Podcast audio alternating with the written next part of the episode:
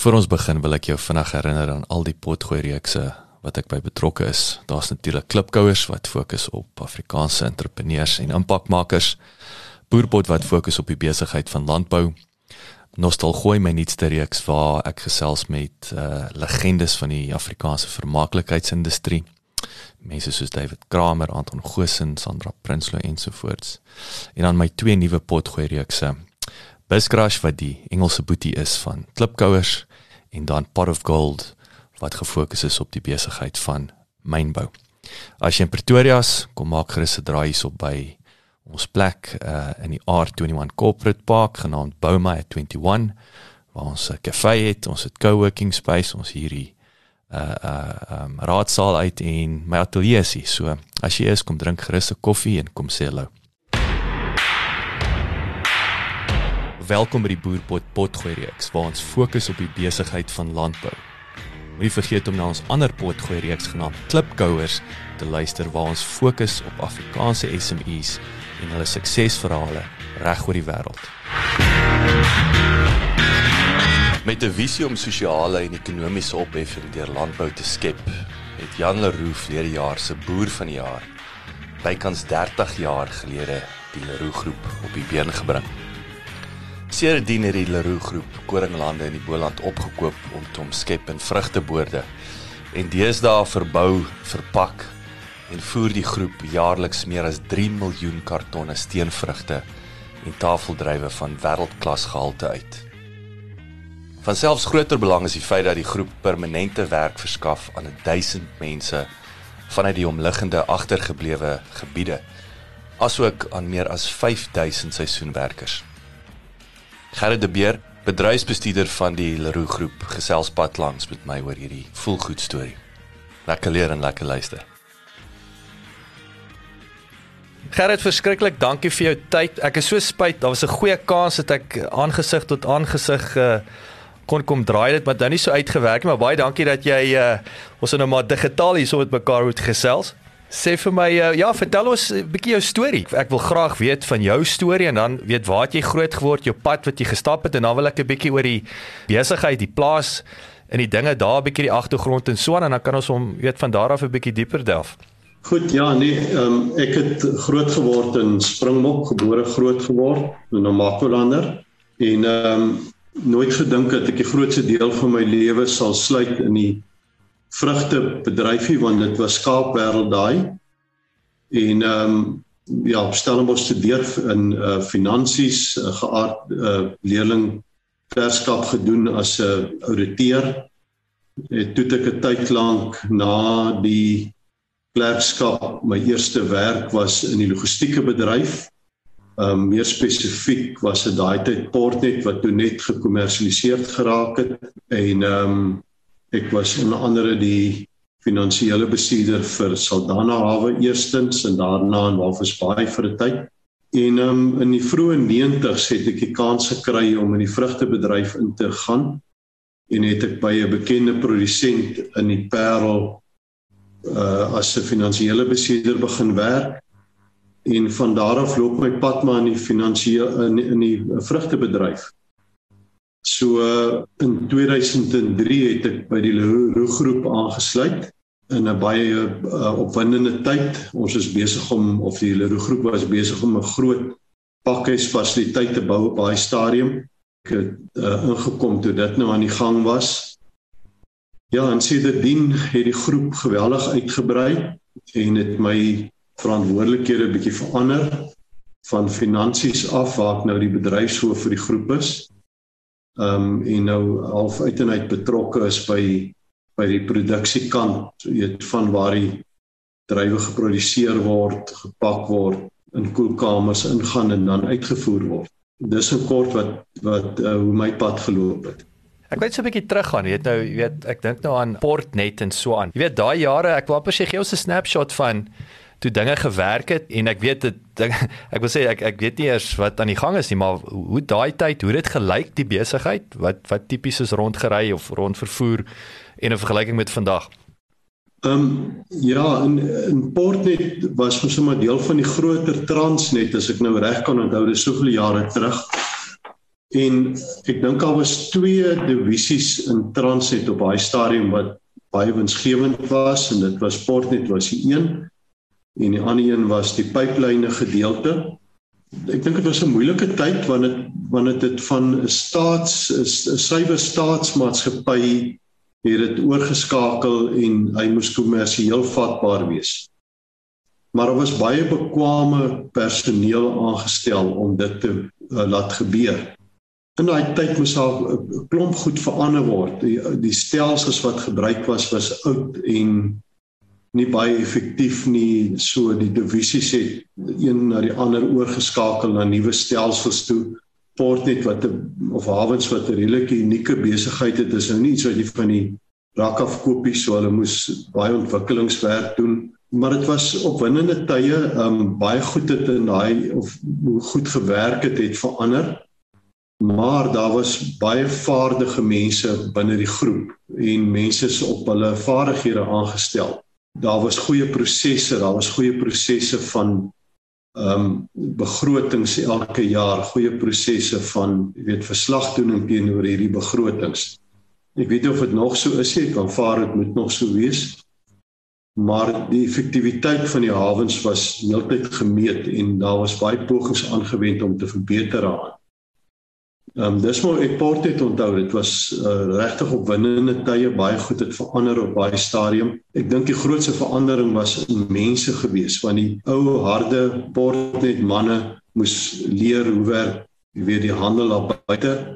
Ehm um, die manne wat ingekom het moes weer die besigheid leer met al sy fasette want dit was 'n komplekse besigheid. Maar die twee persoonlikhede het mekaar iewers ontmoet en uh, eintlik het dit op baie stadium baie goed gegaan in die hawens.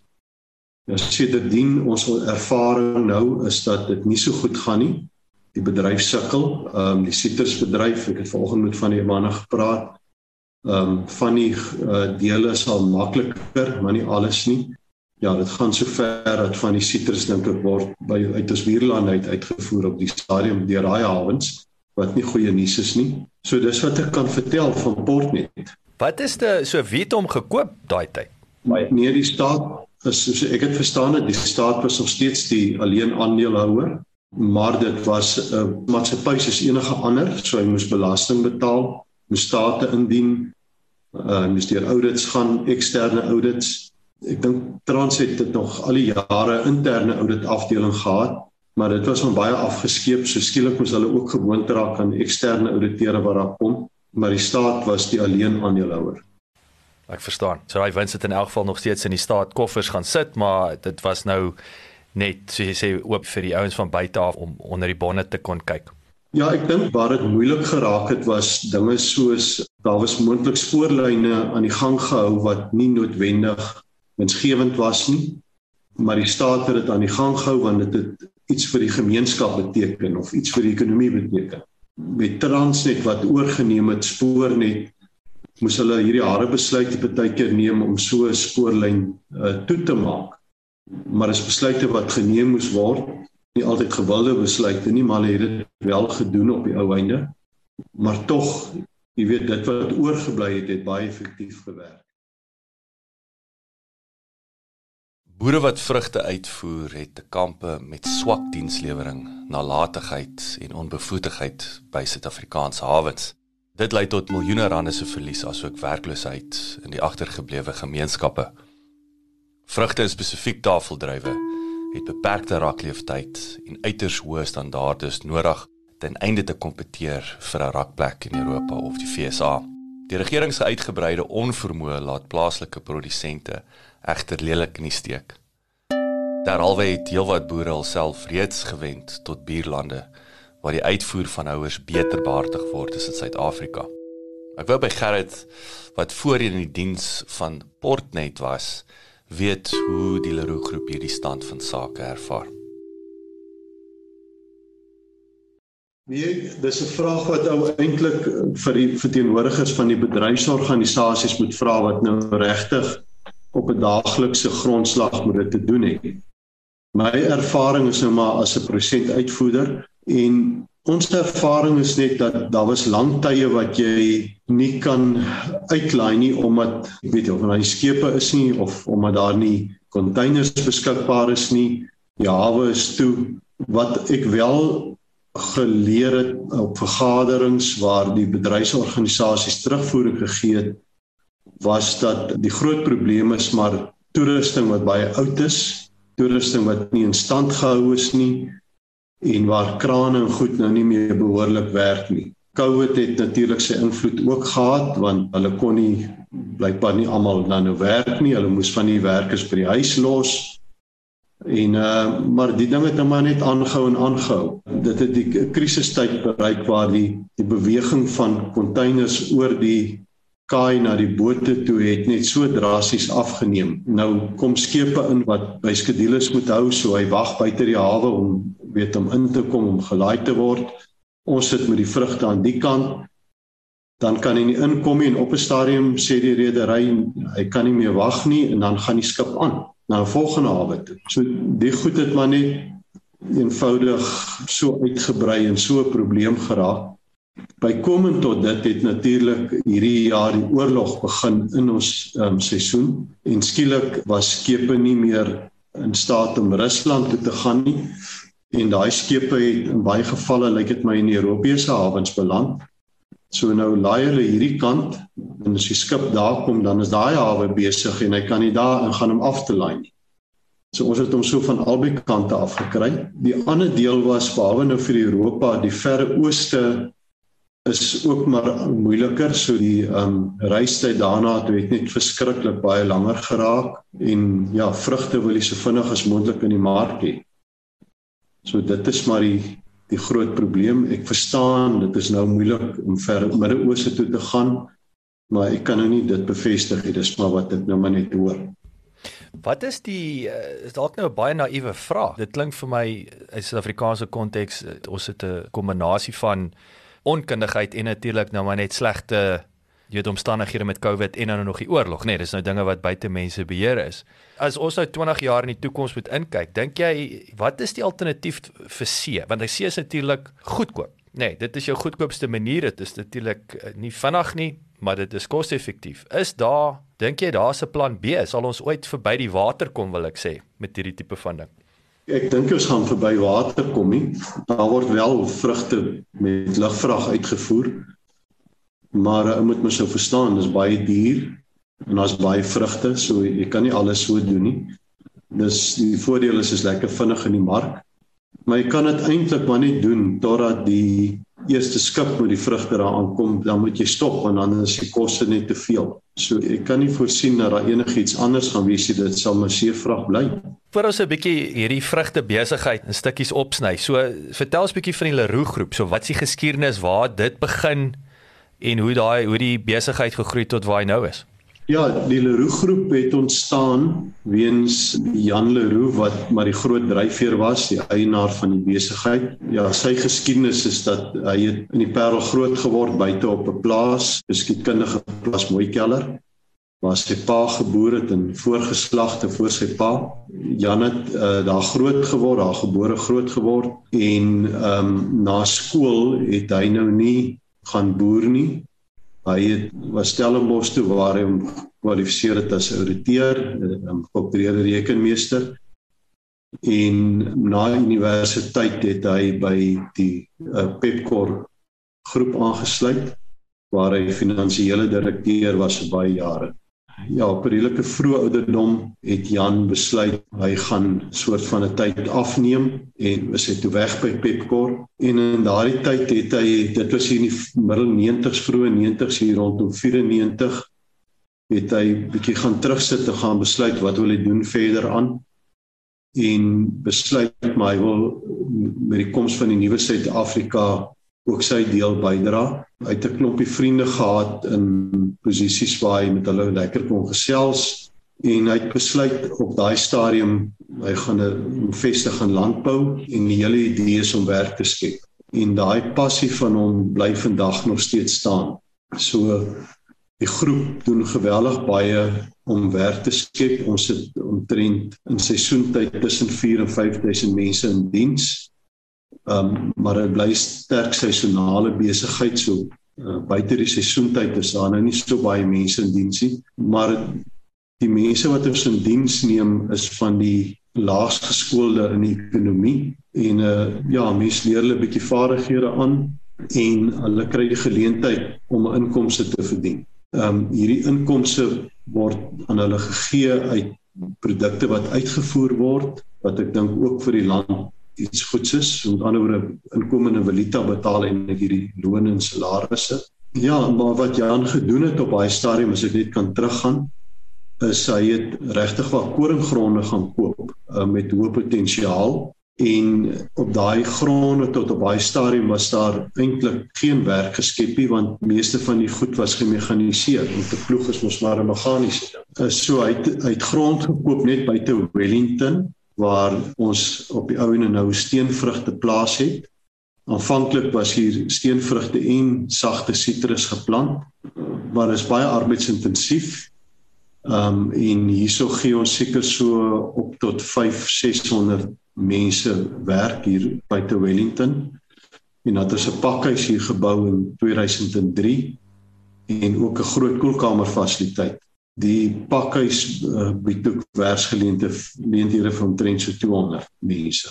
Dan het hy grond gekoop uh, buite Piketberg wat ook maar koringgrond was en daar staan nou so 550 hektaar se tafeldrywe ook hoogs arbeidsintensief waar is ook uh, baie mense in diens neem.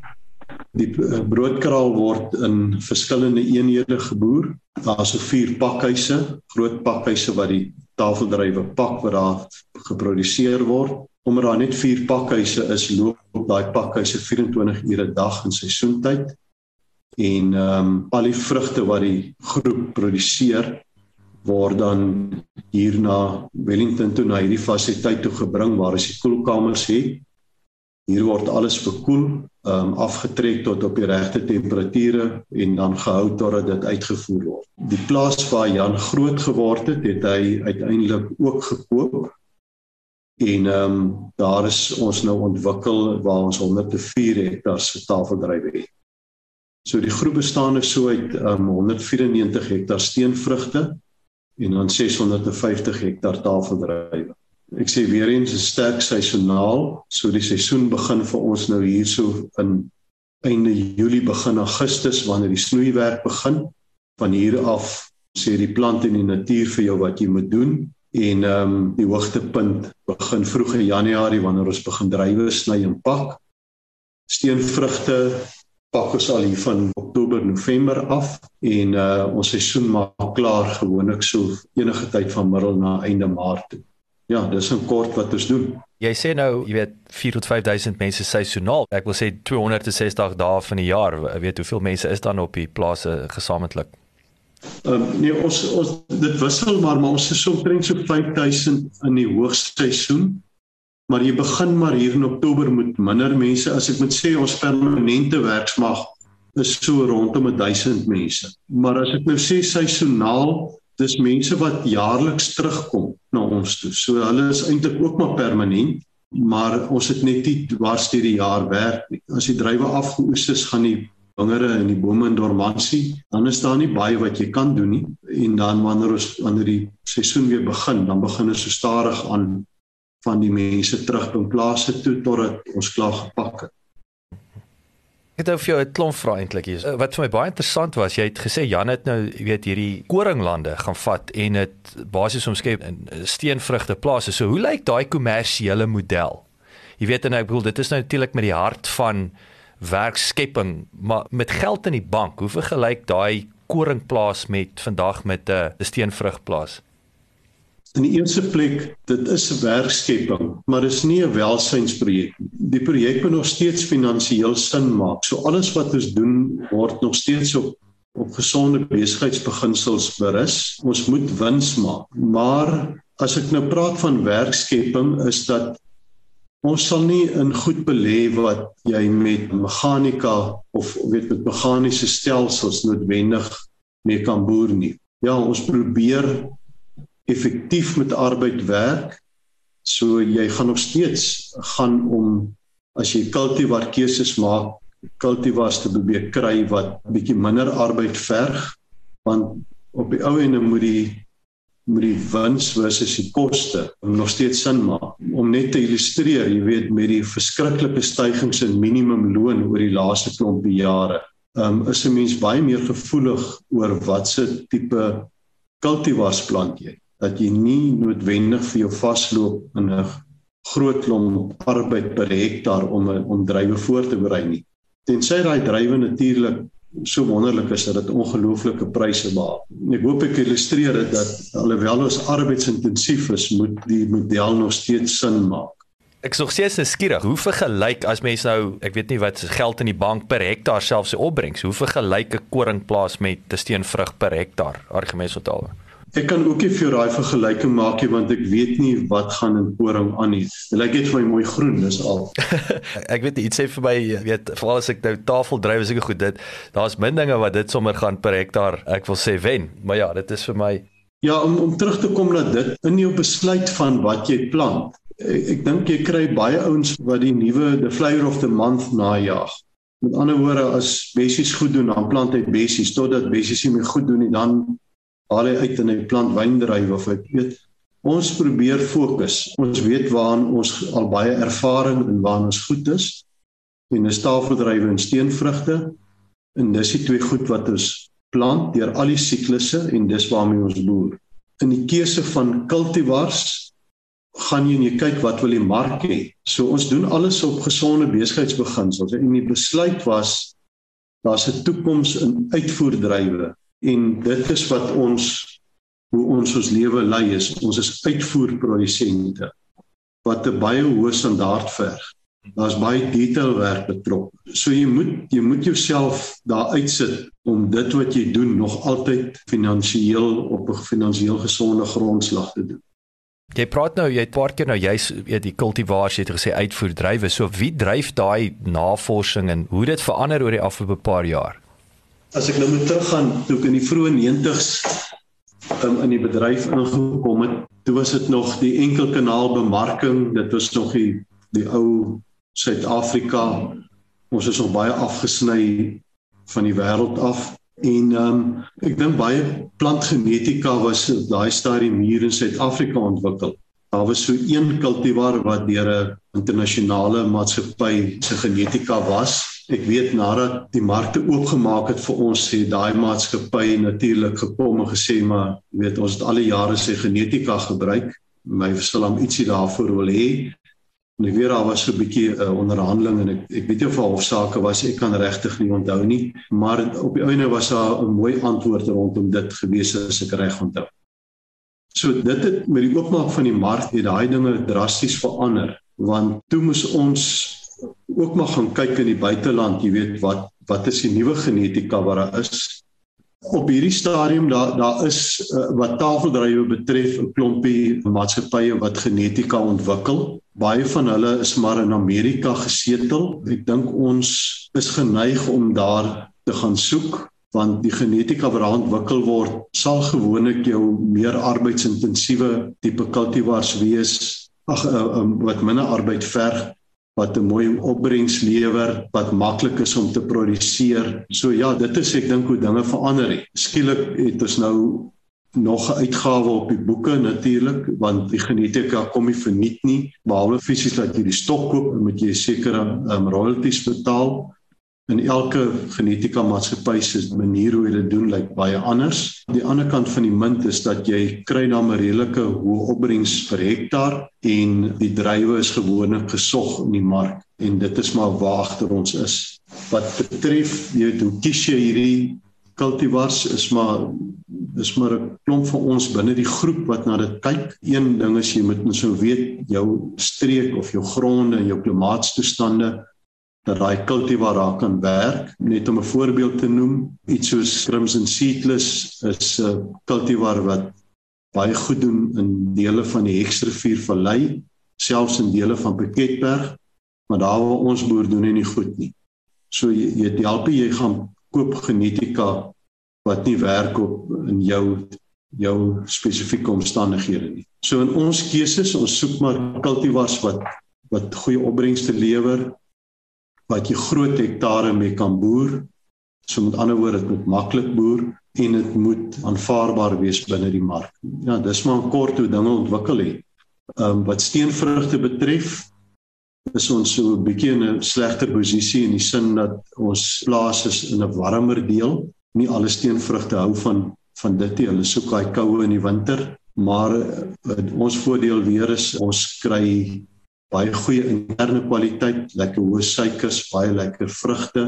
Ja, dit help ons weer in die bemarkingspoging. Soos nou sê steenvrugte, wat praat ons? Uh, perskes of wat wat is tipies?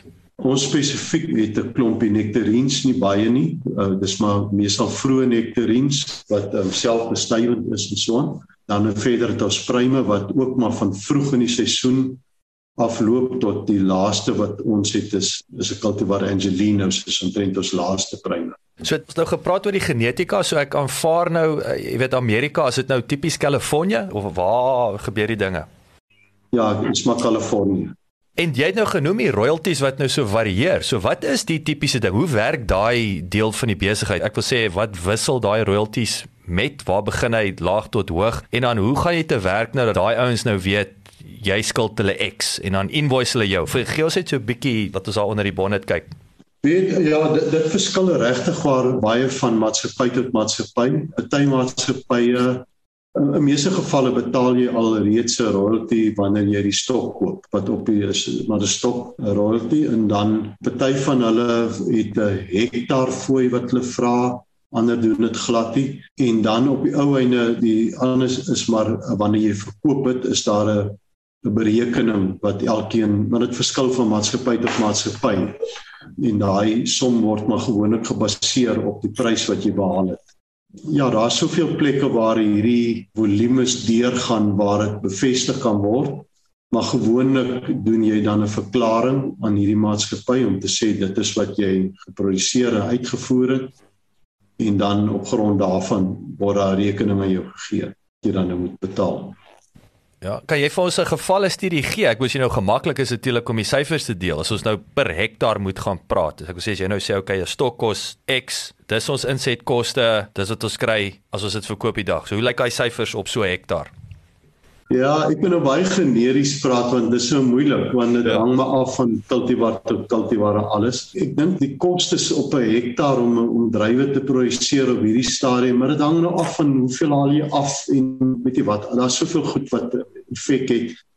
Gaan ten minste hier by die R80 per kartonnetjie wees. En dan jou ja, jy, jy behoort daarom as alles goed gaan sê R120 R110 terug op die plaas. Ek dink dis omtrent rowweg waar dit nou trek. Maar soos ek weer eens sê, hierdie goed verander regtig waar in en ek wil nie eens weet waar hierdie jaar se syfers uitkom nie want in die laaste jaar het ons geweldige koste stygings gehad. Daar was geweldige kostes uh, ja die minimumlone is alweer baie op die oorlog in Oekraïne het veroorsaak dat insetkoste soos kunsmisse en die goed het geweldig baie opgegaan.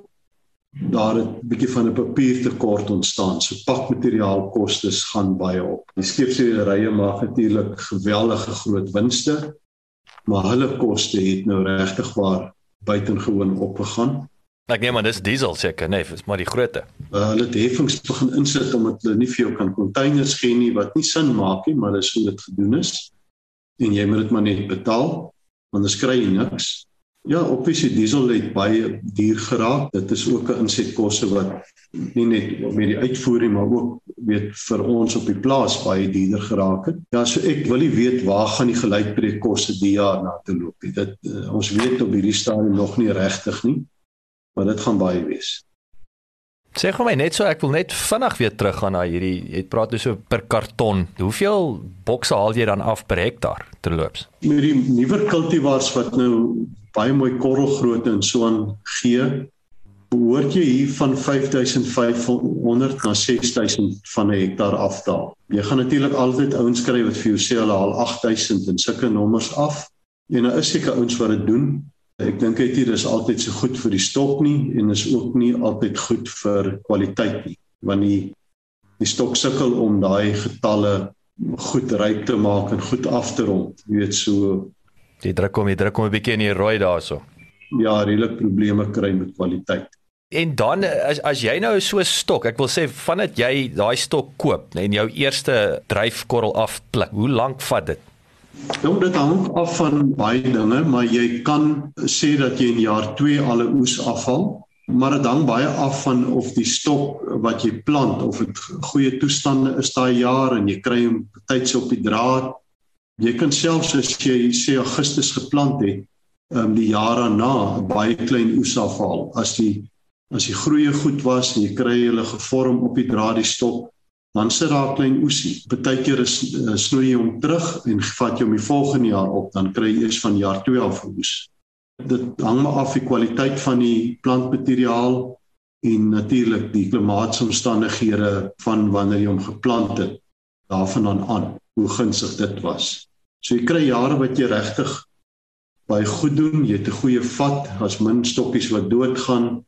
Die groei is goed, jy kry hom op die draad, jy kry hom gevorm dan kan jy die jare na hulle klein oes afval.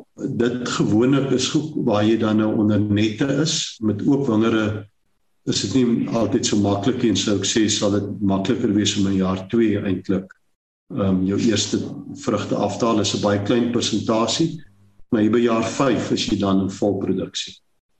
En dan hoe lank hou hy dan? Voor jy hom heeltemal met uit ruk.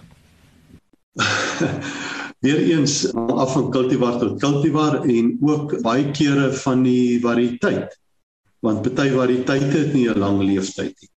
Daar was al variëteite wat baie potensiaal getoon het in 'n outom geplant en dan binne 2 jaar dan lyk dit nie of hy die potensiaal het wat jy gesien het nie. Maar vervang jy regtig vir 'n hele variëteit in 'n baie kort tyd. Andersins as alles regwerk, kan jy seker 15 na 20 jaar op 'n stok gaan solank hy sy produk lewer of sy produksie lewer, maar party variëteite gee lekker produksie wanneer die stokke nog jonk is, maar soos hy ouer word, raak die produksies al hoe minder. As hy nog steeds 'n goeie prys behaal, dan bly hy winsgewend, dan kan hy nog 'n klomp jare aangaan. So dis natuurlik optimaal. Jy soek daai variëteit wat goeie kwaliteit vir so lank as moontlik gaan lewer. Dit is die perfekte balans. Dit is so ja. Ek wil nou laaste vraag oor hierdie hier stokkies. Nou, hoeveel stokkies hier dan nou nodig vir hektaar? Ja, Robert, ek dink met royalties en een met royalties koop kan by enigiets meer as R30, R32, R35 kos op 'n stokkie. Volgens ons spesifieke wingerde en ons boorde wat ons plant op 'n hektaar is so 1660 stokke per hektaar, maar dis maar 'n klein deel van die insetkoste. Onthou jy moet die grond voorberei, jy moet pale en draad plant, jy moet besproeiing insit. Daar's 'n klomp ander koste staan verbonde, die stokkies. En ja, ons ons het op broodkraal byvoorbeeld die volle 550 hektaar is onder nette wat vir ons sekere voordele bied en daai nette het ook 'n geweldige koste om op te rig. En dan wat is hulle rakleeftyd? Is hulle hulle daarom 'n ruk? Ook enigiets van 15 na 20 jaar. OK, so dis dis ek wil sê dis 'n goeie is 'n langtermyn investering in ja, in, in daai. Ek dink die strukture kan moontlik langer hou, maar die die net is maar 'n ding wat die son gaan ombrand. So jy gaan seker op 'n stadium moet begin vervang. Om stabiliteit in voedselvoorsiening te verseker, is gesonde grond 'n moet. Met klimaatsverandering wat verwoesting saai, het boere reg oor die wêreld die belangrikheid daarvan besef om na mense grond om te sien. Nie alleen is 'n manier om voedselsekuriteit te verseker nie, maar ook om besigheid aan die gang te hou. Erlewingslandbou stel boere in staat om die agteruitgaande traject om te keer. Volhoubare boerdery te verseker hul besighede te onderhou. My vraag aan Gerard was: Hoe gaan julle te werk veral wat grond betref om volhoubaarheid te verseker? Ja, dis dis natuurlik 'n wetenskap op sy eie daai. As jy nou neem, ons het koringgronde geneem daai tyd. Nou uh, koring plant hulle hulle boere in 'n baie klein deeltjie net van die kors, jy weet, so hulle ploegie diep nie, hulle ploeg maar vlak. Hulle sit 'n bietjie ameliorante in om die grond te verbeter. So ons het sulke gronde oorgeneem en uh beteken dat as jy nou op daai goed begin boer met met vrugte moet jy baie diep uh die grond losmaak As daar kleie onder is, dan kan jy nou nie so diep gaan nie want jy wil nie die die kleie opbring en vermeng met jou boergrond nie. Sodat dit is weer eens jy doen maar maak maar profielgate om te sien hoe lyk die grondstrukture en dan natuurlik word daar ontledings gedoen van die grond en dit bepaal wat sit jy in. En dan nou by Sandrivier boere biologies het ons eie kunsmis aanleg hier was um, kunsmis vervaardig en hierdie gronde het is oor tyd op 'n biologiese manier baie goed verbeter En uh, as jy nou met 'n nuwe blok plant, is dit baie maklik om voor te berei. Op broodkraal die gronde in my opinie ook al baie verbeter oor jare, maar dit bly maar 'n uitdaging. Maar dis die enigste manier hoe jy kan voortbestaan, is jy moet jou gronde in stand hou. So ons doen regtig baie moeite om dit te doen. Die nette dink ek op broodkraal bied vir ons 'n geleentheid om dit makliker te doen so jy jy hoef minder kunsmisse neer te sit omdat die boom is baie minder aan stres onderwerp om hierdie net vat erge winde en hitte en al al daai moeilike natuur elemente haal hy in 'n groot mate uit. Ja, die nette het ander voordele ook. Dit help met waterverbruik. Jy jy hoef minder te besproei onder nette. Die grond bly baie langer nat. So ja, ons doen maar gedurig dinge om volhoubaarheid in in hoe maklik is saam met die natuur waarmee ons moet saamleef 'n skaars hulpbron om daarmee beter saam te leef. Maar dit dit stop nie net by grondvoorbereiding nie, dit is ook ander tegnologieë wat jy gebruik. Ons het byvoorbeeld ander mikrospuite uh, begin aan begin gebruik om ook die waterverbruik te verminder. Ons het die toerusting wat ons gebruik om te kyk hoe lyk die water onder die grond sodat jy nie oorbesproei nie daai het oor tyd al daai tegnologie verbeter. So was baie plekke waar ons sulke ingrype gemaak het om die volhoubaarheid nog te verbeter. Hoor jy dat alles is so interafhanklik, nê, nee, maar dit dit klink vir my of jy net as jy een ding moet uitsonder of dit 'n drastiese impak het op so boerdery. Ja, ons is nog jonk in, maar wat ons nou al ervaar is dat dit is nog 'n redelike drastiese ingryp wat baie positiewe ervaring tot op hierdie stadium is. Mens weet mos nou nie vorentoe nie, maar maar tot nou toe het ons regtig baie positiewe ervaring van dit. So, vat ons 'n bietjie. Ek wil nou net hierdie hele produksieproses, jy weet, jy plant nou jy al die dryf verduidelik vir ons hoe hardloop daai waardeketting tot waar hy op die supermark raak. En ek wil sê wat se land se supermark raak. So hardloop ons net dwars deur die proses asseblief. Die eerste aksie wat jy maar mee wat jy maar weer begin is maar die snoeiproses Nou daar's baie teorieë en baie stories rondom dit ook dat wanneer jy snoei bepaal wanneer die dryf gaan begin blom of die stok gaan begin bot en al daai dinge. Daar is 'n klomp wetenskap wat daar ingaan en wat bepaal wanneer snoei ons wat. So die eerste ding is maar die snoeiproses. Na snoei um, begin die drywe dan nou natuurlik bot, dan begin dan nou al die aksies wat moet plaasvind. Die groot die ander kritieke tyd wat jy dan nou het is nommer 1 wil jy hê daar moet 'n egale gebod wees sodat alles op dieselfde tyd beweeg binne op daai stok. Met ander woorde, as jy dan 'n spuit moet opsit op 'n sekere tyd dat die hele blok 'n soort van fenologies dieselfde is, dat jy nie twee stokke het wat nou 4 cm se bot het en die ander het net 2 cm. Jy staan waar agter ek as jy wil die egale gebod hê, dan dan die ander groot tydperk is wanneer jy in blom ingaan. So dis wanneer 'n ou nou maar baie sleg slaap, jy soek baie egalige eintlik net lekker weer. Dis 'n selfbestuivende plant. So ehm um, jy wil dan hê dat die die bestuiving moet baie effektief plaasvind. En uh, dis ook die tyd wanneer jy dan nou baie bekommerd is want in daai proses wil jy hê daar moet genoeg drywe moet set op die stok, maar ook nie te veel nie. As jy te veel het, dan beteken dit jy moet 'n klomp arbeid insit om die oeslading reg te kry. As die ding te kwaai speen, verloor jy natuurlik weer produksie. So jy soek daai ideale omstandigheid. In elke kultivar is anders, elke streek is anders en ehm um, elke ou met wie jy praat sal ander tegnieke hê om deur daai punt te kom. Daarvan aan as jy nou weet wat het jy op die stokke, dan is dit maar 'n proses van dan begin al die detail eintlik om daai drywe effektief groot te maak. en dit gaan oor oesbeheer, dit gaan oor oeslading. Moenie te veel korrels per tros wees nie. Die trosse moet mooi lyk, dit moet egalig lyk. Jy soek korrelgrootte, daar's 'n klomp tegnieke rondom dit. So dis die voorbereidingstyd. En as dit nou 'n soort van 'n einde toe staan, dan begin van die druiwe al ryp word en gaan ons in oestyd in. Nou hoe dit by ons werk is, ons hou maar dop en ons neem suikers en daar's 'n klomp tegnieke en dan begin ons sien dat 'n blok begin nou nader aan oesryp raak en dan gaan jy gewoonlik in jy begin ons praat maar ons wy deur die blok so ons sny op elke vakkie net 'n sekere hoeveelheid trosse af natuurlik die rykste trosse. As dit afgesny word gaan dit in 'n plikus Daar's trekkers met waantjies wat die hele tyd deur beweeg. Hulle tel hy kuste op. Die kuste word met 'n seil toegemaak dat hy nie in die son staan nie en dan word hy daarvandaan gery na 'n pakstoor toe. By die pakstoor word hy onmiddellik afgelaai waar hy in 'n voorverkoeler ingaan. In die voorverkoeler probeer hulle om die veldhitte uit die druiwe uit te haal. Jy moet onthou dis hoogsomer, dis warm, druiwe kom in teen hoë temperature. So jy probeer net so gou as moontlik daai hoë temperature af te bring tot meer kamertemperatuur.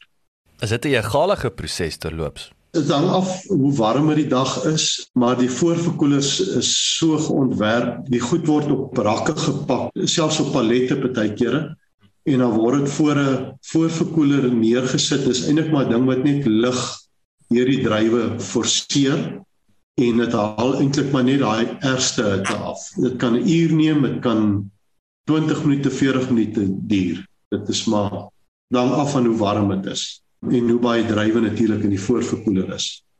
Dan daarvandaan gaan dit deur die pakproses en dan word dit sodra die drywe klaar gepak is, word dit gepalletiseer. So die pakproses wat dit behels is ons bemarkingsafdeling gee vir die pakstoor 'n pakinstruksie wat vir hom sê presies hoe moet hy die drywe pak. Met ander woorde, dit moet in 'n pannet gaan, dit moet 'n sekere stiker opkry, dit moet in 'n sekere karton gaan of dit moet in 'n sakkie wees. Al daai dinge word vooraf gereël. Dan word dit gepalletiseer en nadat dit gepalletiseer is, word daar word dit aan 'n inspeksie proses geonderwerp wat gedoen word deur PPCB. Hulle inspekteurs kom op rotasie basis deur die pakstoor doen 'n inspeksie, keer 'n klomp pallette goed waarna dit dan 'n uh, weer eens 'n stiker opkry wat sê die palet is goedgekeur en dan het ons 'n logistieke span wat dan nou deur die pakstore beweeg en as daar nou seker hoeveelheid palette gereed is dan kom 'n koeltrop laai die drywe op waarna dit dan nou hier na Wellington toe vervoer word. Hier word dit ingeneem en dit gaan in 'n aftrektonnel in waar dit dan op die vinnigste tyd afgetrek word teen minus 'n half grade. Uh daai proses neem omtrent enigiets tussen 18 en 24 uur. As hy daar dan nou gereed is, die tonnel word die tonnel uitgery en die drywe word in rakke geplaas waar dit dan gehou word teen daai temperatuur totdat die drywe natuurlik nou uitgelaai word hawe toe dan is dit die uitvoerproses daarvan. So ons laaste ingrepe wat ons maak is wanneer as die drywe uitlaai daarvandaan is dit buite ons hande en moet ons diensverskaffers sorg dat ons drywe effektief in die mark kom. Ek wil sê hoe taaf is daai dryf? Hoe baie houe kan hy vat? Jy weet dit voel vir my so dit dink wat so maklik net bars. Ek bedoel wat is daai uitdagings om hom nie te beskadig nie? Ons sê dit nie so maklik om dit reg te kry. Wie daai is die grootste uitdaging. Ek dink as jy na die Suid-Afrikaanse bedryf kyk, ek dink ons is goeie produsente. Ons doen geweldig baie om 'n goeie produk voor te berei op die stok en ek dink daar praat ons saam met die beste in die wêreld om 'n goeie produk uit die pakstoor te laat uitgaan, goed gepak. Daarna raak dit nogal moeilik want daar's soveel plekke waar dinge kan verkeerd loop. Ek dink die die diensverskaffers in die lyn af het nie altyd dieselfde waarde op die produk as wat ons daar plaas nie. Druiwe bly 'n hoogs bederfbare produk. Dit gesê, sekere kultivars kan meer houe vat as ander. Sekere kultivars is meer vatbaar vir bars. Ander kultivars is is noodwendig miskien minder vatbaar, maar hulle maak weer merkies makliker. Elke kultivar het sy eie dinge. En uh en jy moet daai goed ken en jy moet weet hoe om rondom dit te boer. Daar's van die kultivars waar selfs as 'n sekere aksies doen, werk die mense met handskoene, want ons weet dis iets waar jy waar jy nie te veel mee, jy moet nie te veel aan hom raak, jy moet nie te veel aan die korrel raak nie, want daar waar jy net liggies aan hom raak maak jy 'n merkie. Jy leer ook die mense byvoorbeeld met so 'n kultivar hy mag net aan een korrel vashou terwyl hy dan nou in die trotsie werk en wanneer hy klaar is met daai korrel afgeknip raak. So ons het allerlei tegnieke om te probeer om die beste produk voor te berei. Ek weet daar's nou hierdie jaar statistieke wat gewys het dat vandat ons drywe uit die koelkamer uitgaan totdat die skip ry verloop 8 dae. En in daai 8 dae onder andere kan daar baie goed verkeerd loop. Daai container kan afgelaai word op die kaai en niemand gee om oor hom nie en hy word vir 'n uur lank nie verkoel nie. Ek noem maar net 'n voorbeeld, daar kan 'n klomp goed verkeerd loop. So ja, drywe is baie bederfbaar van die oomblik wat jy hom pluk vir oudery maar na oes tegnologie is daar 'n paar goed wat ons ook daar doen. Die kartonne is op 'n sekere manier ontwerp om die koeling so effektief moontlik te maak. Ons maak van gasvelle gebruik om detritus en ander dinge wat kan verkeerd loop met die dryf om dit te probeer beperk en uit te stel. En in my opinie die drywe dan nog 'n redelike tydperk 'n leeftyd. Party drywe kultivars mag dalk gevoelig wees dat sy stingel baie vinniger uitdroog as 'n ander een. Maar normaalweg dink ek het hy 'n paar weke se goeie leeftyd, maar wanneer hy begin afgaan, dink ek is dit 'n kurwe wat baie vinnig gaan. Maar dit gesê ons verre ooste toe vat dit baie langer en ons het daar's ook sukses. So drywe kan nog 'n tydjie nadat hy gepluk is, dan jy hom nog goed hou as jou tegnologie goed is. So jy noem nou die verre ooste. So hoe lyk julle markte? Waar is julle grootste mark op hierdie stadium? Ja, ek dink op hierdie stadium weens ander omstandighede is ons maar redelik beperk tot sê Europa en Engeland. Ons doen verre ooste toe, maar is 'n verskriklike lang logistieke ketting op hierdie oomblik. En 'n mens hoop dit sal vinnig verander. So ja, ons doen 'n klompie drywe verre ooste toe, nie self nie, maar ons gebruik uitvoerders. En dan gaan van ons drywe ook in Noord-Amerika, Kanada. Dis beperk, maar dit gebeur ook. Dankie vir daai. Dit is regtig baie interessant om hierdie prosesse bietjie beter te verstaan. Ek wil 'n bietjie met die mense want jy weet die begin van die onderhoud was duidelik Jan se se hart van die begin af was die mense. So ek wil 'n bietjie stil staan by hierdie 4 tot 5000. Ek bedoel dit is dis 'n you know, is 'n klein stadion. Wat is daai uitdagings van so 'n klomp mense, jy weet die opleiding, hoe lyk dit? Tegnologie, jy weet wat se tegnologie gebruik julle om hierdie mense te bestuur? En dan natuurlik ook soos gemeenskapsontwikkeling. So gee ons 'n bietjie vleis om hierdie groot uitdaging. Ja, ek ek dink baie keer ons boer met mense, dit is nou baie ja, is 'n mooi stelling om te maak, maar dit dit is so dis seker een van die moeilikste gedeeltes van ons bedryf is maar mense, mense bestuur. Ek dink ons doen dit met baie omsigtigheid. Uh, ons het ook maar oor tye ons maniere uitgewerk weet hoe ons dit effektief kan doen. Maar ek dink die belangrike ding is ons werk met mense wat regtig waar dalk die laer vlakke van opleiding het. As ek miskien kan net terugkom in ons keuse van bestuur, kyk ons baie kere eerder of die persoon met mense kan werk as wat ons kyk na sy landboutegniese vaardighede. Want landboutegnies kan jy ou leer om met tafeldrywe te boer. Maar jy kan nie almal leer om met mense te werk nie, want ek dink baie van dit is ook 'n natuurlike aanleg. So jy sal vind dat dit in ons pakkie het is baie ouens wat onderwysers was wat nou by ons werk. Um, in die verlede was daar nog baie meer. Bloot omdat ons gesien het dat hulle kan met mense werk natuurlik. Dit dit kom vir hulle natuurlik. Dit gesê, ek dink ons weet mos nou die arbeidswette van die land is baie streng. Alhoewel jy kan klaar daaroor gee dit ook vir ons baie sekuriteit in die sin dat ons doen alles in ons vermoë om aan die wette te voldoen. En solank jy nie die wette voldoen, kan jy altyd vir arbeid sê, jy weet, ja, julle kla oor goed, maar ons is binne die wet. Ons probeer die wette nakom en definitief weet op daai vlak sal ons nie probeer uh, om mense te na te kom nie. Die minimumloon pas ons toe. Dit moet ons doen. Enige werkgewer in die land moet dit doen. Ek dink ons groot probleem kom by produktiwiteit. Ek kom oor 'n klompie jare al aan wat ek agterkom persone wat by jou kom werk verwag 'n betaling omdat hy die oggend ingeklok het en die aand uitgeklok het. Wat tussen daai twee tye gebeur is nie vir hom vreeslik belangrik nie. Ons moet tog 'n goeie produktiwiteit hê en ek dink die koms van minimumloon en die minimumloon wat al so hoog geraak het maak dit vir jou baie moeilik om produktiwiteit uit jou arbeid te kry. Want in die verlede, in die jare terug, was stukwerk nogal iets wat in landbou baie voorgekom het en maar is al hoe moeiliker want die persoon moet definitief sy minimum loon kry en dit het, het stukwerk eintlik baie nou sy angel verloor as 'n instrument wat jy het om meer produktief te wees. So ou moet nou baie meer kreatief wees en jy moet baie meer meet, baie fyner meet juis daai produktiwiteit uit mense uit te kry. So daar is hom nog een of twee goed wat jy kan doen in ons ons werk aan stelsels heeltyd elke dag te kyk of ons span en elke ou in die span wel sy kant gebring het. As jy dan nou nie sy kant bring nie, dan is daar altyd 'n dissiplinêre proses wat jy kan volg. Ehm um, wyse van waarskuwings en so aan. So ja, dis maar tegnieke wat ons toepas.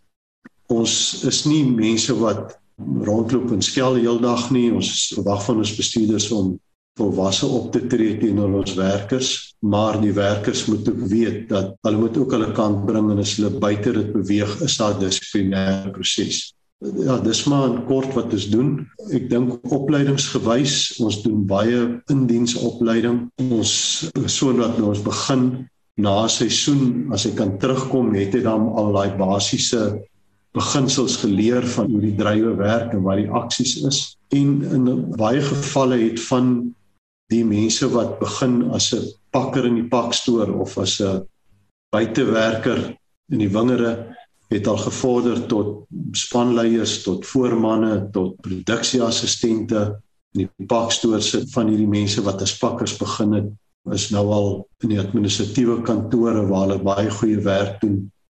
So ons het daai element ook waar ons personeel deurbring van mense wat met geen vaardighede kom en wat op die ou einde in 'n bestuursverdanigheid staan.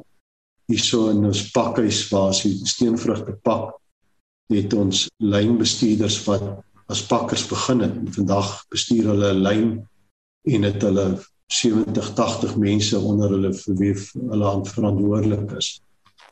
So daar's daai element ook. Ons vind ook dat op ons tafeldryfplase in ons strukture het ons jong manne wat by ons kom werk van hulle vanuit college uitkom wat 'n klomp opleiding kom doen op die plaas in diens en na 2, 3 jaar kry jy plek by 'n ander werkgewer as 'n tafeldryfbestuurder op 'n eenheid waar jy dan onafhanklik kan aangaan en met vertroue boer. So ja, in al die fasette probeer ons regtig in mense se lewens 'n verskil maak.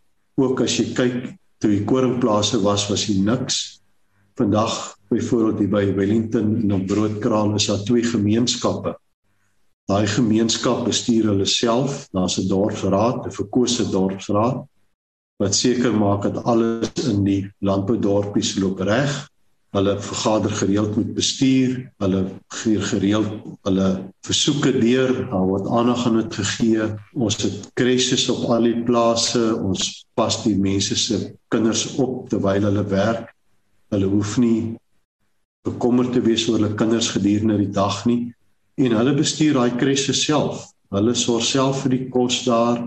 So ja, ek dink op daai vlak wat gemeenskapsontwikkeling betref, het ons ook al baie gedoen. Ja, maar verder dan net daai gemeenskappe is daar as gevolg van julle, nê. Daar was niks andersins eh, sou daar gewees het nie. Jy praat nou van hoe jy die produktiwiteit julle meet. Ek wil sê julle breek dit in stukke op, klink dit vir my nê, om om hierdie blokke te meet. Eh, wat se tegnologie gebruik julle? Waar leer julle? Is na wie kyk julle? Het sy in Suid-Afrika of in die buiteland waar julle sê, "Oké, okay, hierso is nou 'n paar lesse wat ons nou hier kan toepas môre in die besigheid." interessant. Die tafelbedryf is groot, maar hy's so baie klein. Mense, ons ken mekaar in die tafelbedryf. Ons leer baie by mekaar. Uh, jy het vrymoedigheid as jy haak op 'n ding is om om 'n bietjie te gaan kers opsteek by jou buurman of by iemand wat jy ken en daar leer ons maar baie dinge. Dit gesê ja, as jy nou kyk na die meting van produktiwiteit, ons het byvoorbeeld al 'n geruime tyd het ons elektroniese kaartlesers wat saam met die spanne uitgaan wingere toe en die hele seisoen word opgebreek in die aksies wat jy moet doen. En uh, dis 'n aksie per blok. En wat dan nou maar tipies gebeur is jy probeer op 'n manier vasstel wat wat gaan dit neem om sê nou vakkie stokke daai sekere aksie op te doen. Kom ons sê dis nou oesbeheer so iets. Dan wat jy gewoonlik sal doen is jy sal 3 of 4 ouens insit en sê maar doen elkeen gou 'n vakkie en jy en jy meet hulle hoe lank vat hulle om dit gedoen te kry. So dit gee vir jou baie goeie aanduiding. En dan moet jy nou maar boekhou van jy weet as jy 'n span insit van soveel manne, dan moet hulle om vanaand 'n sekere hoeveelheid werk gedoen hê. En dit is dan belangrik dat hy spanleier weet wat sy doelwit vir die dag en dit is aan sy plig om die mense tot by daai doelwit te kry. Die ander punt van dit is om mense aan te moedig. Die een is jy jy moet hom meet Die ander een is om hom aan te moedig by wyse van monetêre waarde of enigiets anders. En die moeilikheid is eh, daar's baie min wat wat ons daar het om dit mee te doen. Want uh, baie van die mense het net 'n sekere bedrag wat hy in 'n dag wil maak en jy kan op jou kop staan hy wil nie meer geld hê nie. Dit is onvoldoende en dis waarvoor hy werk. So dit maak dit moeilik. Hier en daar kan ons so ver gaan uh met sekere aksies om te sê waar ons 'n broodkraal baie mense bly op die plaas om vir hulle te sê maar doen hierdie werk klaar as jy dit klaar kry teen 4:00 dan kan jy hulle huis toe gaan. Dit is nogal iets wat baie aangemoedig word of wat die mense baie aanmoedig om die werk klaar te kry. So jy kan so oor tyd kan jy mos nou dan nou meer verwag op 'n dag meer daai aanmoediging. Partykeer werk dit, maar die die belangrike een is maar jy weet jy moet die ouens meet en dan moet jy maar die individue wat dit nie maak nie ook probeer kry om in die dag by sy doelwit uit te kom. As dit nou is by verdere opleiding, bystaan deur die dag op die einde waarskuwing of twee en as dit nou na 'n lang tyd nie regkom nie dan lei dit maar tot die disiplinêre proses en moontlik afdanking. So dis maar so 'n mengsel van goed.